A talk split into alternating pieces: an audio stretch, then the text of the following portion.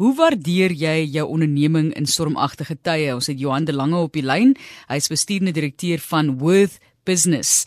En hy gaan ons verduidelik hoekom dit belangrik is en natuurlik met die ekonomiese afswaai wat 'n mens weer moet kyk na besigheidswaardasies. Baie welkom Johan. Baie dankie Marlies en goeiemôre vir die luisteraars. Goed, meneer.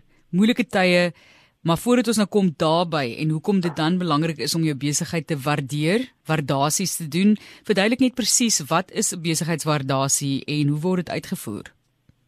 'n uh, Besigheidswaardasie uh, word eintlik uit, uh, uitgedruk in 'n waarde uh wat die besigheid se aandele werd is of wat die besigheid se uh die besigheidsbedrywighede uh werd is.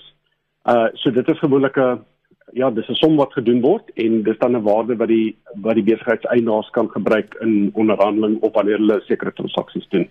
Goed, ek wil nou baie baie mikro fokus, mikro besighede en ek gebruik altyd dieselfde voorbeeld. Ek bak koekies. Uh help my asseblief. Jy weet, ek is nie 'n uh, groot finansiële guru nie. Hoe kan ek vasstel wat is my besigheid werd?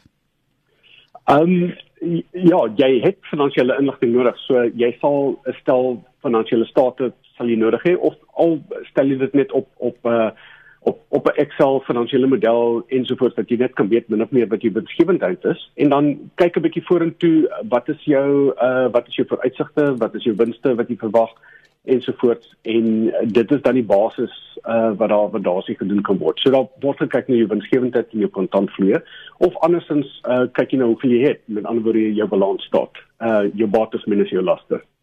Ons het onlangs ook die statistiek ontvang ontvang van die hoeveelheid besighede wat gelikwideer is as gevolg van die moeilike ekonomiese tye weens die pandemie natuurlik. Ons weet Suid-Afrika was reeds in 'n moeilike ekonomiese klimaat. So, hoekom is dit belangrik tydens so 'n stormagtige tyd?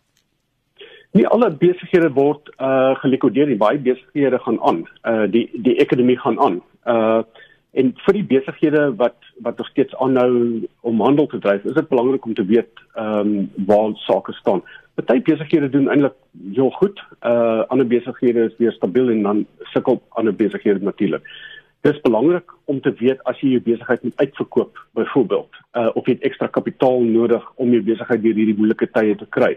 Uh wat die waardes van die besigheid, maar daar's ook ander geleenthede wat jy kan sien soos om nuwe beleggers in te kry en kapitaal te werf ensovoorts. So in in sulke uh, veranderde omstandighede die hele tyd is dit is dit belangrik om te verstaan ehm um, wat jou waarde is.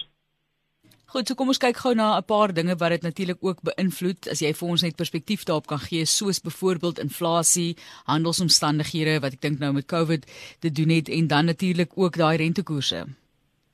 Ja, uh, ek dink dit is belangrik om altyd uh in gedagte te hou met waardasies is dat ons kyk natuurlik die grootste gedeelte daarvan word beïnvloed deur jou langtermynverwagtinge, maar die mediumtermyn speel speel ook 'n rol. Nou baie belangrike inset in waardasies is wat is die verwagte opbrengskoers van van uh van beleggers?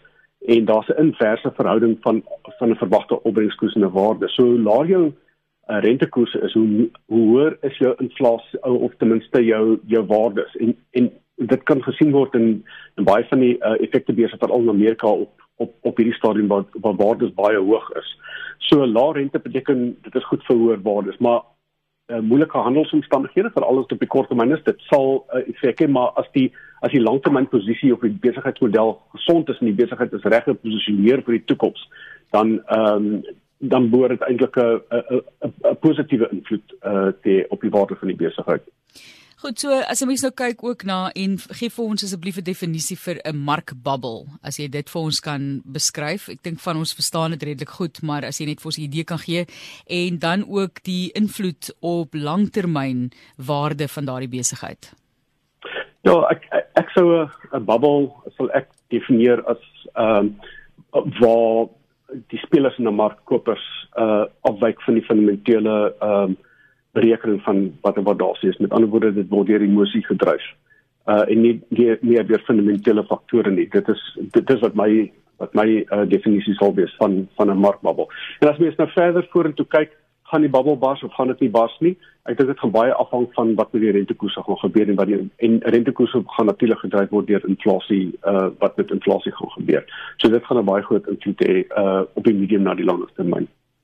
Goed, so as ons nou kyk na die nuwe sagte ware wat gebruik kan word vir hierdie proses, kan jy vir ons 'n bietjie insig gee en wie doen hierdie waardasies? Is dit jy wat dit self by die huis doen as 'n entrepreneur met sagte ware of is daar professionele mense soos julle wat vir mense help daarmee?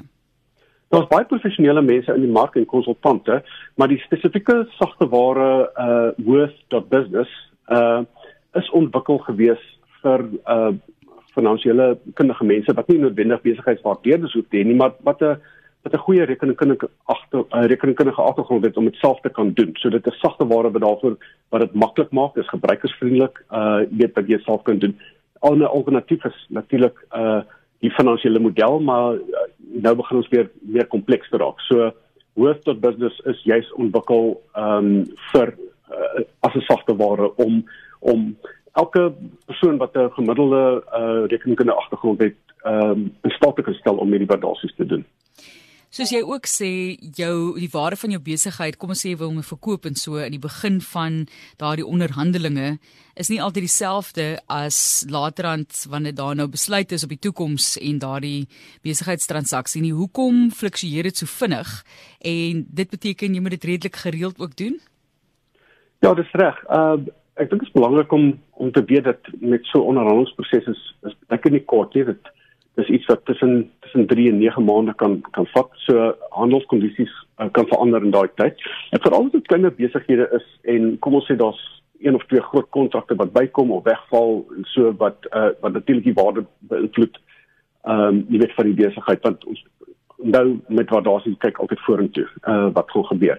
So ja, veranderde handelsomstandighede, veranderde ekonomiese uh omstandighede maak dit hierdie hierdie verloop van die hele onderhandelingsproses wat die waardes kan verander.